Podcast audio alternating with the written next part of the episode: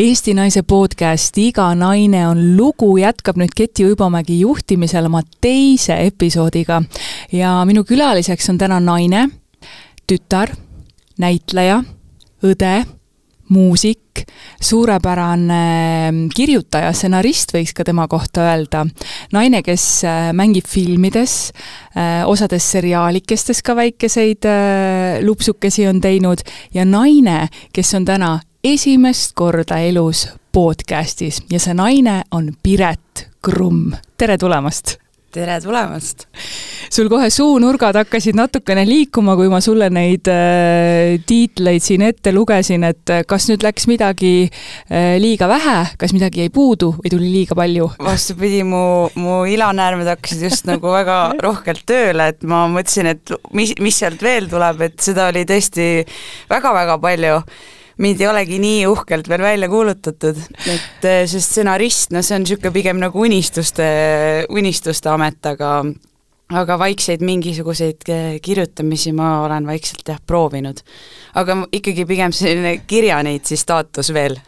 Kirjaneitsi, Piret Krumm. Mm.. no kes teab, võib-olla sa avaldad kunagi ka ise mõne raamatu või mõne luulesalmiku, miks mitte? ei, miks mitte, absoluutselt, ma olen nüüd tõesti jõudnud sellesse ikka, kus ma ei ütle enam, et ei, mitte kunagi ma ei tee seda no Piretiga on äh, selline lugu, et äh, meie oleme nüüd tänaseks olnud äh, sõbrannad ja lausa südamesõbrannad, ta on minu kolme kõige-kõige lähedasema inimese seas. et ütleme, ta on esikohal, ta on see naine, kellele ma helistan siis, kui ma tahan naerda, siis, kui ma tahan nutta, võtta ja meie tutvus sai alguse tegelikult juba kümme aastat tagasi. Ja kui me tegime siis muusikali Grease Tartus Vanemuise teatris, äh, ehk siis miks ma sellest räägin, on see, et et sa oled, sa oled üks väga vähestest äh, ütleme, kolmekümnendates äh, artistidest Eestis, kes suudab nii näidelda, laulda vokaalselt väga keerulisi lugusid, kui ka tantsida niimoodi, et uhuhuu, kõik need koreograafiad ära ära, mida meile äh, Rootsist tulnud äh, tippkoreograafid äh, ette näidata suudavad, et Piret, sa oled naine, kes suudab kõike, kuidas sa seda kõike teed no nii. ma nii väga tahaks öelda, et jaa, ma tõesti suudan kõike. et planeedil on neid inimesi vähe, mina olen üks nendest, aga kahjuks see muidugi nii ei ole. ma tõesti püüan teha äh, või teengi oma sü-, tööd nii suure südamega, kui ma, tähendab, ma teen ma tõesti teen oma tööd väga suure pühendumisega, ütleme siis nii, et mulle meeldib mu töö.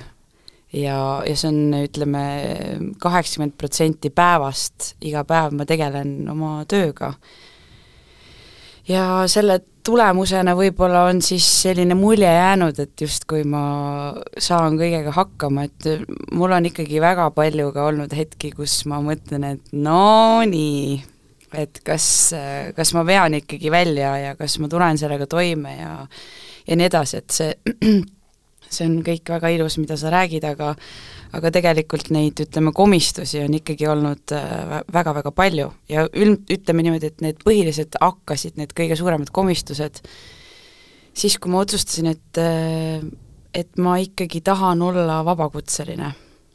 Millal see otsus äh, sinus sündis, kõigepealt sa tegelikult töötasid ju Draamateatris mm -hmm. oli see viis aastat mm, -hmm. natuke peale, eks ju. ja kui sa tegelikult tulid äh, Vanemuise teatrisse muusikali tegema, siis sul veidi oli ka teiste näitlejate ees nagu natuke, ma mäletan, et äh, selline mitte häbitunne, häbi on nüüd vale sõna, vaid et äh, sellele nagu vaadati justkui viltu, nagu muusikal oleks kõige lihtsam ja kõige mõttetum žanr, mida võiks teha peale lavakooli lõpetamist. ei, tegelikult jah, kuidagi käib sellega millegipärast selline asi kaasas. et ma tean seda oma vanemate pealt, kes on ju muusikateatri näitlejad, eks ole, ja terve elu teinud operetti ja muusikale. Et ma tegelikult äh, tean seda nii-öelda, et seda võetakse, et ta on niisugune nagu kergžanr, justkui et ta ei ole ei päris näitlemine, ta ei ole ju päris laulmine ja ta ei ole ka päris tantsimine. aga tegelikult neid kõiki kolme kokku panna ja et leida sinna inimesed, kes selleks kõigeks kolmeks on ka võimelised, neid ei ole üldse palju. et lihtsalt millegipärast on jah, et justkui need, võib-olla need teemad on natuke naiivsed, muusikaline nagu esitus on võib-olla natuke, noh, nad on ikkagi põhiliselt niisugused romantilised lood, et võib-olla sellepärast, aga siinkohal võiks jälle öelda, et samas kõik need teatrid, kes teevad muusikale, on ikkagi rahalises mõttes plussis. et publik ometi armastab neid. et seega mina olen näinud kõrvalt terve elu, kuidas tehakse kabareed, kuidas tehakse muusikateatrit, operette, mina ei näe selles mitte midagi lihtsat, lihtsalt see mulje peabki jääma, et see on nagu šampanja, eks ole, et see tš, avaneb pauga ja siis kõik kihiseb ja voolab ja vahutab, on ju. aga see, et see šampanja sinna pudelisse saada, selleks läheb ju tegelikult noh, ikka üsna kaua aega, et kõigepealt sa pead korjama need õunad, eks ole, siis sa pead need õunad nendega möllama igatepidi, siis see šampanjat seal neid pudelites tantsis, tantsis, tantsistama või, või tantsisklema või kuidas seda, see protsess täpselt käib, et see ei, ei, ei ole üldse lihtne, see pigem äh, on väga raskesti teostatav. aga kas võib olla, et see julgus, äh, võib-olla ka väikene selline hea nahaalsus tulebki sellest, et sa oled, oledki oma vanematelt nii palju seda näinud, Katrin Karismaa ja, ja Tõnu Kilgas, et äh, nemad olid tegelikult Eestis ju noh, kõik selle muusikali, teatri, operett, kõik selle, nemad olid ikkagi eh, no tiivade tiivad, tippude tipud igas mõttes. et eh, ja see ongi nii normaalne, selles sa oled nagu marineerunud terve oma lapsepõlve, et nagu mis siin peaks midagi imelikku olema Nahaalne olen ma sellepärast, et nemad ise on ka nahaalsed.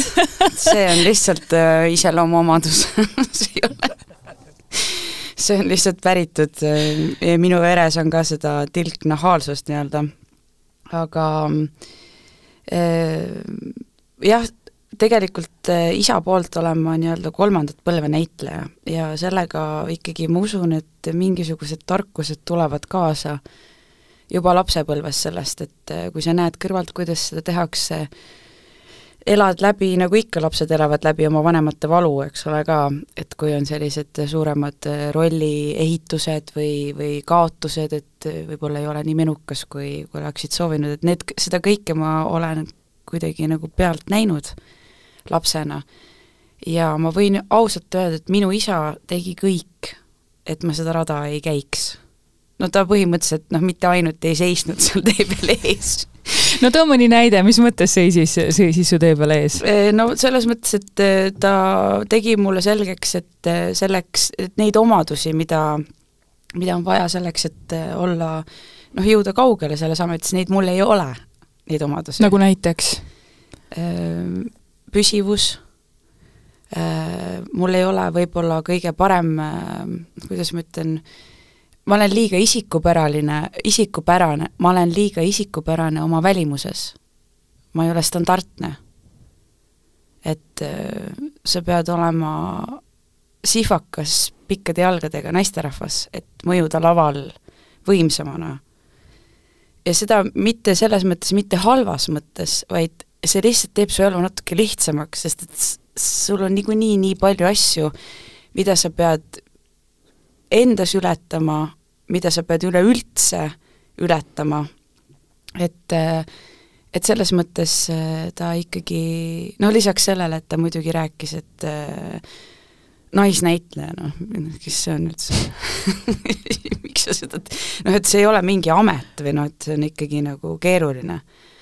aga olenemata sellest äh, ma tõesti, selle koha pealt tuleb jälle see nii-öelda tema enda nahaalsus, mis siis tuli minul üle, maksis talle kätte, sest et noh, heas mõttes maksis talle kätte, ma arvan ikkagi nüüd ma usun, ta enam nii noh, teda küll enam ei ole, aga et ma arvan, et ta nii enam, juba ammu enam nii ei mõelnud, et aga et see nahaalsus siis ikkagi viis mind selleni, et ma läksin teatriklassi ja ma proovisin äh, lavakunstikooli ja et ma seda teed ka praegu käin.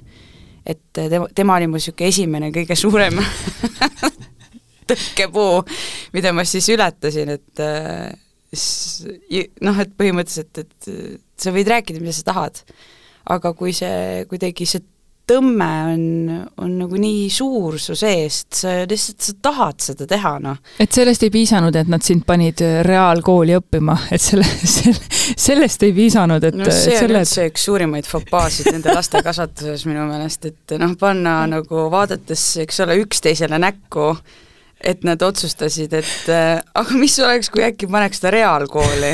et noh, meil kummalgi ei ole neid äh, eeldusi ma, ma ei kujuta ette, mis nad siis nagu lootsid. aga noh, nad tahtsid kõige paremat, et ma ikkagi noh, kõnniks täiesti teist rada, see oli noh, kuidagi nagu nii vaja neil. et äh, oleks, äh, ja see tuli tegelikult kõik loomulikult suurest armastusest ja ja sellest, et, et see on, et mul oleks kuidagi, mu tee oleks nagu lihtsam, sest äh, see tee on kindlalt keerulisem tähendab, see tee on niikuinii keeruline ja see on veel keerulisem, kui sul on veel vanemad ka, kes seda tööd teevad, et see ei anna sulle nagu mitte kuskil maal mitte mingit eelist. aga tunned, et sa oled kunagi jäänud äh, äh, Katrin Karismaa varju? oma töös või kuidagi, et sind võrreldakse või et oh, et Katrin küll niimoodi seda, seda lugu ei oleks esitanud või laulnud või et äh, te olete emaga väga lähedased, et aga, aga nagu tunned, et see takistab sind? Ei, ma ei ole seda kunagi tundnud. Aga peaksid või? Ma ei ole seda, tegelikult seal on väga loogiline põhjus, ma arvan ka, eh, et meil on lihtsalt väga suur eh, vanusevahe emaga, nelikümmend kaks aastat. et noh, mina ikkagi, kui hakkasin alles seda teed niimoodi vaikselt käima, siis noh, ema ja isa olid oma suuremad asjad juba ära teinud, et ma ei olnud nagu kellelgi nii-öelda nagu hambus ja ma ei, tõesti kuidagi võib-olla ma ei ole mitte kunagi neid võtnud ka kui konkurentidena, see on nagu hiljem tulnud kuskilt, võib-olla teised on seda projitseerinud kuidagi, et no et kuidas siis nüüd nii või nii, aga et ma, nemad ise ei ole mulle seda teinud ja mina ei ole ka seda teinud. et mm, selles suhtes äh, jah, on kõik väga hästi läinud, aga nüüd, kui me tegime emaga koos juubelituuri, vaata siis ma vaatasin Aha. küll mina käisin seda juubelituuri kuulamas ja. ja vaatamas ja tohutult nautisin äh, üle pika aja midagi tõsiselt, mis mulle nagu hingele läks korda ja visuaalses mõttes ka ilusad inimesed ja no tõesti, see kombo, ema ja tütre kombo laval või ütleme, teles, ajakirjanduses ja laval kõikide silme ees, et see, see mõjub väga-väga äh, kuidagi sulatavalt. aga mis siis juhtus? seal on lihtsalt, see on väga huvitav, sest et minul tekkis esimest korda laval selline tunne, et ma ei vaadanud teda kui ema, vaid see tuli nagu kuidagi nagu lisaboonus, et ma vaatasin teda, et et ta laulab, et ta on sellises vormis, kuidas ta oma publikuga suhtleb kõiki need noh, nii-öelda, et ma vaatasin teda kui professionaal vaatab teist professionaali kõrvalt. ja siis mulle järsku Põhjamaa siis viimase laulu ajal tuli nagu see tundmus, et ja ta on veel mu ema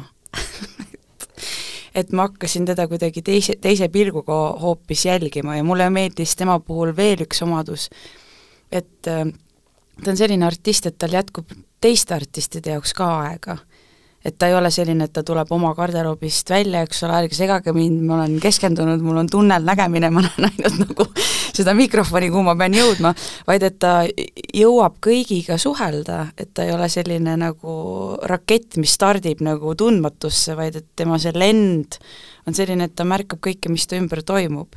et ta jõuab seal kõrval veel ka tegeleda kellegagi, kui kelle noh, on vaja abi või midagi, et ta ei noh, selles mõttes see on, see on hästi hea, et sellises vanuses olev inimene ei tekita mulle mitte nagu seda, et issand jumal, et kas nüüd nagu noh, kas ta ikkagi saab hakkama, et on ju, issand jumal, ta on ju nii vana, ta on ju seitsmekümne viie aastane ammikene, on ju, vaid et tema tekitab selle turvatunde, et on sul kõik okei okay,, on sul kõik hästi, lähme koos teeme seda asja.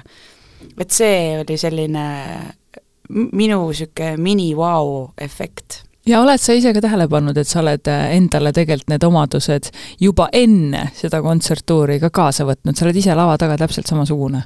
aa, vot seda ma ei tea. no vot, mina ütlen sulle, et sa oled ise laval täpselt samasugune ja mitte ainult laval, vaid, äh, vaid äh, Piret on selline naine, kes, kui näiteks talle külla lähed, siis on serviis on see, kust juuakse teed ja kuhu, kust pakutakse kohvi, kus äh, hommikul vara on juba selline perenaise selline olek on sinus sees, et hästi üdini naiselik, see ilus kleidike, sa nagu hõljud, juba on hommikul viiest ärgatud, juba mingid saiad on valmis tehtud, tuba on head sellist kaneelilõhna täis või kiš või mingid head kišid või seene, jaa, kiš või mingid seenepiru, kiš, jaa, kiš kiis. kui Piret seda Kiš, teeb, siis see on nagu kiis, kiis on natuke meelitavam ja no üdini, üdini naiselik, et vahet ei ole, mis kellani me eelmisel õhtul kuskil esietenduse peol tantsu lõime, aga no Piret on hommikul särav, tal on juba värskelt apelsinid pressitud, sulle kruusi ja siis sina tuled, tal on koeraga juba tiir tehtud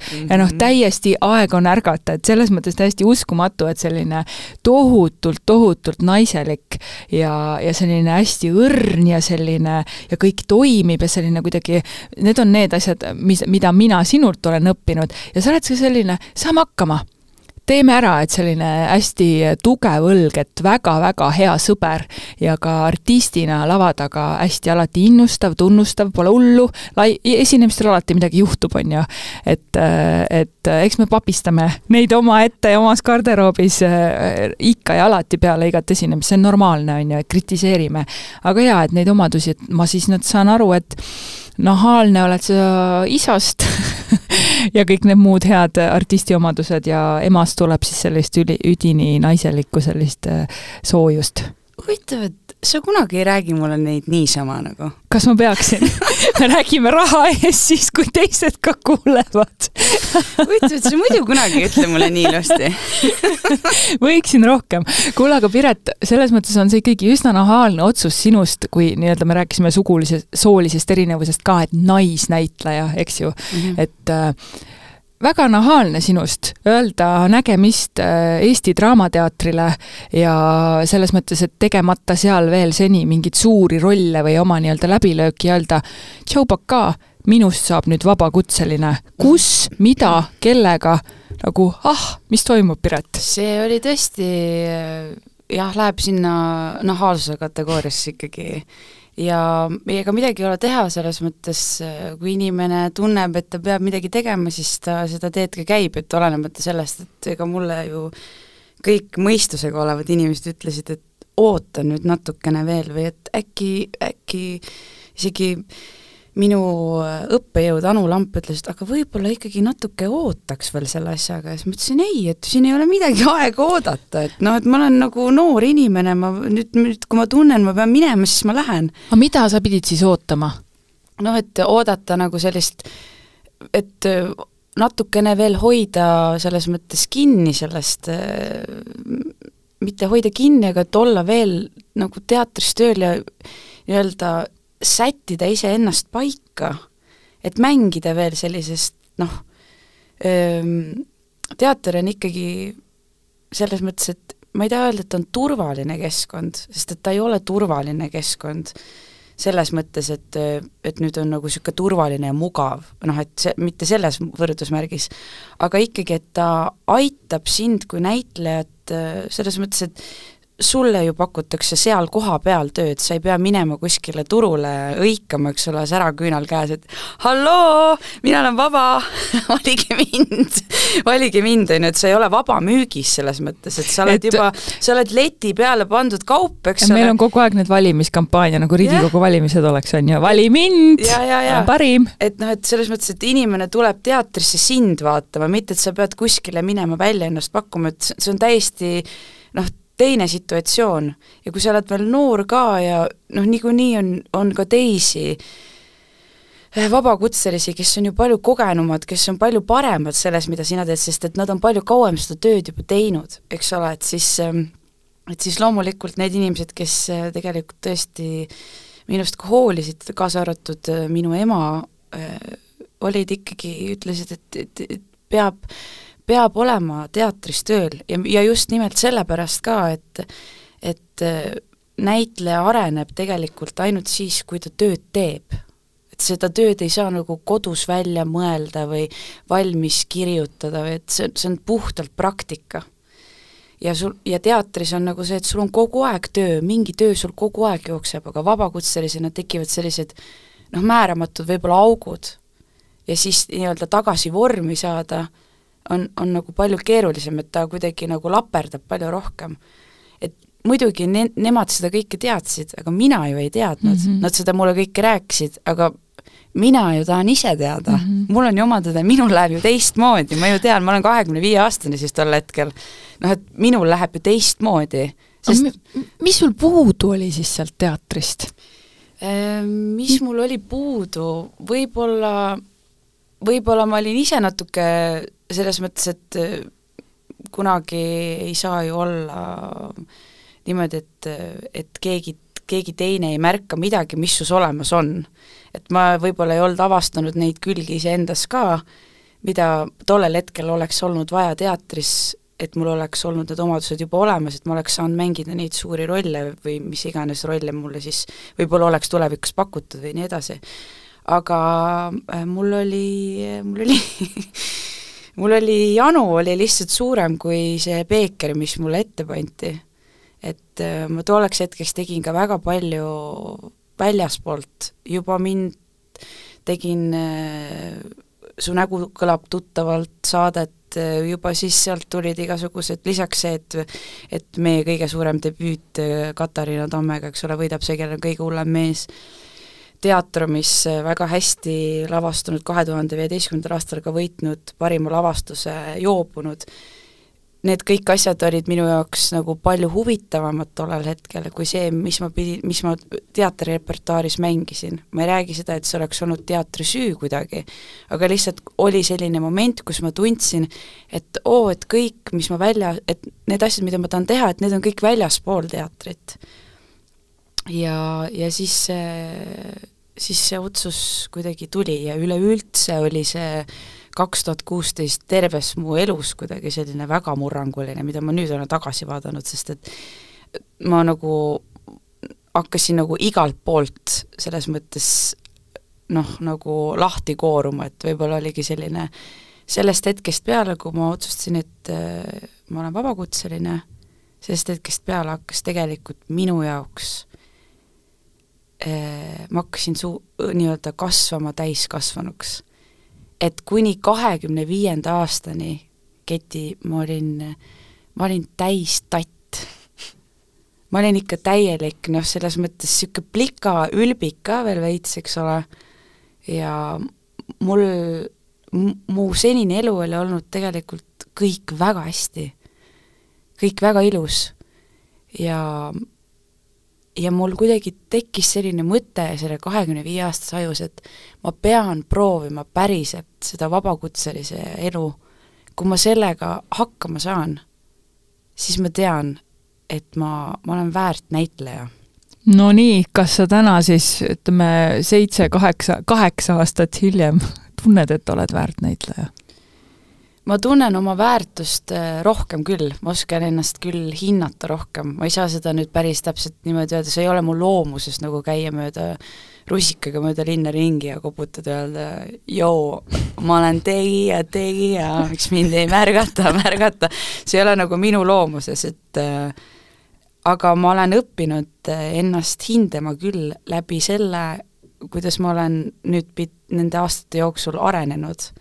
et ma olen ma olin iseeneslikult panin ennast väga ebamugavasse positsiooni, kus äh, hakkas arenema nagu osad asjad ma pidin lihtsalt täielikult nagu kokku pakkima ja ära põletama ja minema viskama aknast välja, eks ole, ja mingeid asju ma pidin hakkama endas arendama, mida ma ei olnud senini üldse kasutanud. sest ma tuletan meelde, ma olen ikkagi pesamuna ma olen täiesti ära hellitatud. mul on olnud kuni kahekümne viienda aastani, mu elu on olnud rock n roll, see on tõesti nagu ma olen käinud reisimas, ma olen saanud ülikoolis sisse, lavakas, kõik on olnud super cool ja lahe, lavakas läks mul ka üldiselt väga edukalt, ma ei olnud nagu mingisugune priimus seal, aga mulle see kool sobis, mulle sobisid need inimesed, kes mu ümber olid, ma ma, ma tõesti, ma imetasin oma õppejõude, see kõik oli väga lahe. ja siis see kahekümne viies, see punkt siis hakkas, hakkasid toimuma mingisugused sellised asjad mu elus, milleks ma ei olnud absoluutselt valmis ja ma ei teadnud, et absoluutselt elu võib üldse nii minna. ja siis ma olin vahepeal ikkagi väga mm, pahuksis iseendaga. ja ei saanud nagu nii-öelda seda, kuidas ma ütlen, niisugust nagu mu ankur oli nagu kuskil täiesti ära kadunud, et ma olin seal nagu keset tuuli ja torme, eks ole, seitsme, seitsme, seitsme laine vahel olin niimoodi, kus mu ankur on? Et ma ei noh, ja siis ma sain aru, et äh, aga nüüd on niimoodi, et äh, ainukene ankur oled siis sina ise ja sinu põhimõtted ja see, kuidas sa ennast nüüd üles ehitama hakkad ja siis tegelikult äh, noh, ühesõnaga hakkaski päris elu peale vaata, sa oled äh, ise ka tänase selle jutuajamise jooksul mitu korda maininud, et, et näitamises on ka, et me ise võrdleme ennast teistega ja meid võrreldakse teistega äh, noh, väljaspool ja teatris, kuidas me seda tööd teeme või kuidas me oma rolli üles ehitame. kuidas sa vaimselt sellega toime tuled? ma tean, minu jaoks on see väga raske, see pidev, et see võrdluses olemine, tahtmatagi äh, olla seal võrdluses, aga paratamatult oled, kuidas sa tuled toime? Jah, see on, ähm, see on jah, niisugune huvitav asi, et millegipärast äh, ikkagi võrdleme üksteist teineteisega ja, ja nii edasi. Ja eriti, kui keegi on, eks ole, meie ees kõrgel lavaplatvormil, eks ole, siis me hakkame ju ka ennast võrdlema või teda võrdlema kellegi teisega või mis, mis iganes, et mm, ma ütlen ausalt, et äh, on olnud lihtsamaid hetki ja on olnud keerulisemaid hetki, kus sellega nagu leppida. kindlasti nendel hetkedel, kus ütleme, karjääris võib-olla läheb natuke paremini, sind on selles mõttes, sa oled nii-öelda mm, rambivalguses, siis on, vastasjõud ongi see, et sind palju rohkem võrreldakse teiste inimestega, palju, sest sinust räägitakse. aga mm, ega siin ei olegi muud mitte midagi sellist, kui sa pead isegi iseendale kindlaks jääma. selles mõttes, et mitte keegi ei noh, see ei ole mitte kellegi teise ülesanne, see on nagu sinu enda hobi millega sa pead päevast päeva tegelema. et see, et kuidas ma endaga hakkama saan, kui mind kõigiga võrreldakse, et see on siis selline sinu hobi, jah? see on minu enda ja. hobi mm, -hmm. aga mind aitab üks selline mõtlemine, et tähtis ei ole võib-olla see, mida nad minust arvavad, vaid see, mida nad iseendast arvavad ja selle pinna pealt ma saan ju kohe nagu endale selgeks teha, et kas üldse see energia või mis minu suunas tuleb, et et kas ma üldse hakkan sellega tegelema. targem on sellega nagu mitte tegeleda, et siis see niimoodi kaob ära, et muidu sa justkui nagu annad sellele tulele nagu nii-öelda viskad õli peale, on ju, et no mis asja, on ju hakkad seda ketrama. et see mõte mind on aidanud tõesti, et mitte see, mida, mida nad minust mõtlevad, vaid mida nad iseendast mõtlevad. ja kui see on negatiivne, mida nad minust mõtlevad, siis tegelikult inimene on ikkagi suhteliselt egoistlik olend, tegeleb ainult iseendaga põhiliselt. et see tegelikult, see mõte on tal, see tulebki tema enda arengutasemest, tema enda spirituaalsusest, tema enda olekust elus, et, et see on, see on kõik temas endas sees vot nii. kes on sinu kõige suuremaks äh, toeks, kes on sulle praegu kõige suuremaks toeks või teenäitajaks mm.? sa oled ise hästi, äh, hästi hea analüüsivõimega, ma tean, et sa loed palju, sa ammutad niisugune teatrist ja filmist endale selliseid uusi mõtteid, aga, aga nagu inimesena, kes su kõrval on? minu perekond mm. -hmm. mul on äh, selles mõttes äh, väga hea kodune struktuur, äh, mul perekonnas on väga tugevad naised, minu ema Katrin, minu õde Mari ja minu vend Ivo. Need on sellised äh, nagu vanasti seal Vana-Kreekas usuti, et eh, on kolm elevanti, kes hoiavad maakera üleval, on ju, et, et nemad on minu need eh, nii-öelda, minu kolm, kolm ainsust selles mõttes perekonnana. aga, aga neid ka säästes ikkagi on see enda, enda ankur, pean ma ise olema, seda ma tean. aga ma võin alati nende juurde minna, selles ei ole nagu mingit küsimust kuidagi, kuidagi satub mul nii, et, et sa oled minu äh, teine selles vestluses osaleja ja ka jälle tegemist nagu hästi tugeva naisega. et kas see võib olla sellest, et, ähm, et naised, kes on oma ala tipud, ma ikkagi nimetan sind äh, tipuks, Piret. et äh, samamoodi nagu eelmine ma ei vaidle vastu. ära vaidle see pole isegi vaidlustamise koht. et, et kuidagi ongi see, et äh, et sa pead lihtsalt olema tugev ja iseendaga nagu nii-öelda üksi igas olukorras hakkama saama. et näed sa ka, et sinu selle mm, tugeva matria-, matriarhia, matriartism või kuidas me ütleme seda, matri-? matriarhaat. matriarhaadi kõrvale, et et missugune mees siia võiks mahtuda? kunagi tulevikus. oi, oi, oi, oi, kas me tõesti võtsime nüüd selle raamatu sealt riiulist ja hakkame seda sirvima või? no ma mõtlesin, et ma võin, ma võin nagu no, puhuda tolmu veidi sellelt raamatult, aga me ei pea seda sirvima, kui me ei soovi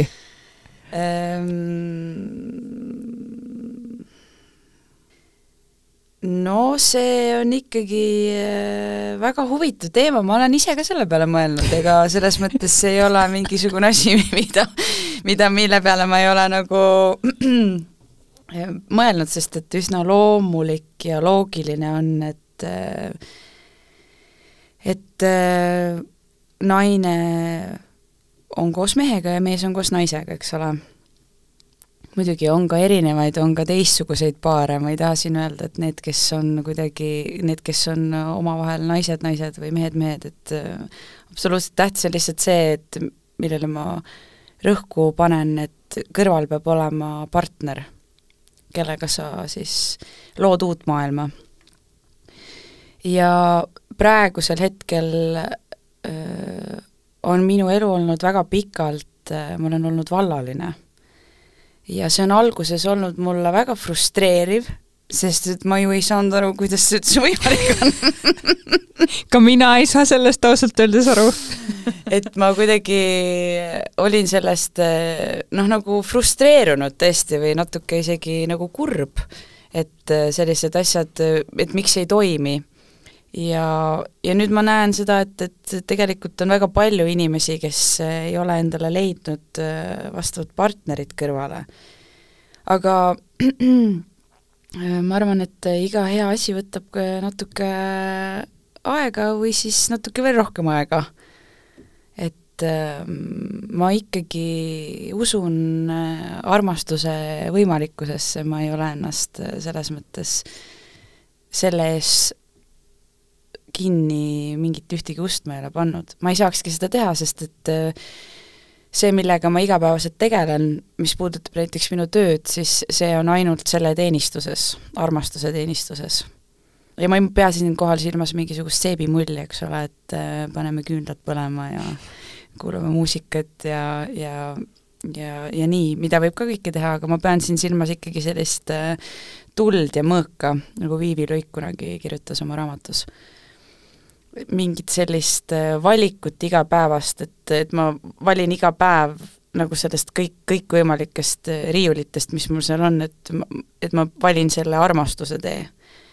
kuidas ma seda saan oma, oma töös, iseendas, suhetega teistes kogu aeg rakendada. rakendada üleüldse põhiprintsiipi silmas pidades siis. see on nagu äh, järjest äh, olulisemaks saanud mulle, sest et äh, kõik see, mis maailmas toimub, on minu meelest äh, ka selle nagu puudujääk. et me seda ei tee. et see, need iga argipäeva nii-öelda kangelane olla on, on keerulisem kui ükskord võita vaenlane, on ju. et kui sa seda iga päev teed väikestest asjadest lähtudes, siis, siis see on über cool mulle tundub, äh, mulle tundub küll, et, äh, et sinu puhul, et, et sa oled võib-olla iseendale saanud väga heaks partneriks ja võib-olla see on ka selline kõige esimene võti, mis on tegelikult äh, ju inim-, naistel võiks I got some moves. jaa, täpselt. et ja see, et sa valid selle armastuse tee, et sa kõigepealt oled ju valinud armastuse tee iseenda vastu, et see on, see on, see kõlab nüüd nii läägelt. see kõlab läägelt, aga jah, see tegelikult on kõige olulisem see on selles mõttes, selles on mingi selline väga suur tarkus, eriti noh, ütleme niimoodi, et äh, selles valdkonnas, kus mina töötan, on väga palju näiteid äh, sellest, kuidas inimesed ei ole seda leidnud, et äh, mul on väga kõrvalt üks inimene, kes seda ei, ei leidnudki, kellel oli nagu väga suuri raskusi selle, seda teed käia seetõttu aga ma jah, ikkagi arvan, et, et see ei ole nagu lihtsalt selline eneseabiõpikutest ammutatud mingisugused sellised kuldlausekesed, vaid et see on ikkagi sügavam usk millessegi võimsamasse ja suuremasse, et ma ikkagi olen sügavalt usklik inimene selle koha pealt. ja sinu usk on armastus? Äh, minu usk on armastus kindlasti ja siis äh, sealt edasi äh, me võime pikemalt nendel teemadel rääkida kunagi. Piret, sa, sa tegelikult usud ka lisaks armastusele, sa usud ka erinevatesse energiatesse, mitte et ma väga palju tahaks sellest täna rääkida, aga need hetked, kus sa tunned, et sul on äh, võib-olla, jääb puudus sellisest võib-olla eneseusust või on niisugune keerulisem päev, mis on need head äh, kaks-kolm asja, mida sa siis oma energia tõstmiseks teed, sest laval peab ka olema hea energia, täna meil siin ka ju me vahetame energiat inimestele. mida sa siis teed, lihtsalt võib-olla siin inimestele väike selline hea selline taskusse visata, niisugune hea nipp tegelikult ma ei tee mitte midagi erilist, selles mõttes kõige tähtsam on ennast saada iseendasse tagasi. ma arvan, et äh, seda niisugust värvilist virvendust ümberringi on nii palju, igalt poolt saame mingit infot, inimesed liiguvad, igalühel omad teemad, igalühel oma see niisugune kehatemperatuur ja soojus ja, ja mõtted, millega nad nagu meie seda olekut ka natukene nagu mõjutavad, et äh, tavaliselt äh, enne lavale minekut kindlasti on selline hetk iseendale, nagu ütleks siis kõige lihtsamalt, et niisugune äh, väike mini, minimeditatsioon isegi, et äh, lihtsalt äh, tõesti tähtis laval on kõige, kõige olulisem laval on kontsentratsioon. et kui meie kõik need nutiseadmed ja, ja muud asjad ja mehed, lapsed, lemmikloomad, töökoht tirib nagu meid erinevates suundades, aa, mul on vaja see asi veel ära teha, appi, mul on see asi veel pooleli, siis noh, laval ei saa niimoodi liikuda, sa lähed konkreetseid asju tegema sinna. ja kõik muu, mis on, jääb selja taha. et siis eh, mul ongi selline noh, rituaal, mida ma siis nagu nii-öelda teen, et ma toon ennast sellesse hetkesse, mida ma nüüd hakkan siis läbi tegema, et, et see lugu, mida me hakkame laval jutustama või see muusika, mida me hakkame esitama, et et see oleks täpselt siin hetkes võimalikult maksimaalselt kontsentreeritud ja kohale viidud. sest see on noh, minu ülesanne laval seda teha. ja hetk iseendale jah, et see niisugune kolm korda sisse, kolm korda välja ja ja praegu sa, praegu sa saad neid äh, hetki iseendale võtta siis äh, nendel õhtutel, kui sa teed Juhan Smuuli lead mm, -hmm. eks ju? Ja, ja mis sul veel on praegu, kus me saame, kus inimesed sind näha saavad? no tegelikult eh, viimased etendused ongi Kuressaare teatriga Juhan Smuuli Lea, mis on eh, tegelikult üks selline märgiline roll minu selles väikeses eh, karjääri karjääriredelis või, või sellises elu kuldlõikes, et mm, see roll on mulle väga palju õpetanud eh, ja just nimelt sedasama asja, millest me just natuke aega tagasi rääkisime, mis oli selline eh, eneseusu leidmine ja oma mm, nii-öelda, et leidma, et leida oma sellistele võib-olla eksimustele mingi põhjendus. elus. et see juhtus sellepärast, et mul oleks vaja sinna minna või et et miks teinekord, miks teinekord elus ei, ei lähe lihtsalt sirgelt niimoodi, et punktist A punkti B, vaid et on, et seal vahel on nagu nii palju selliseid komistusi.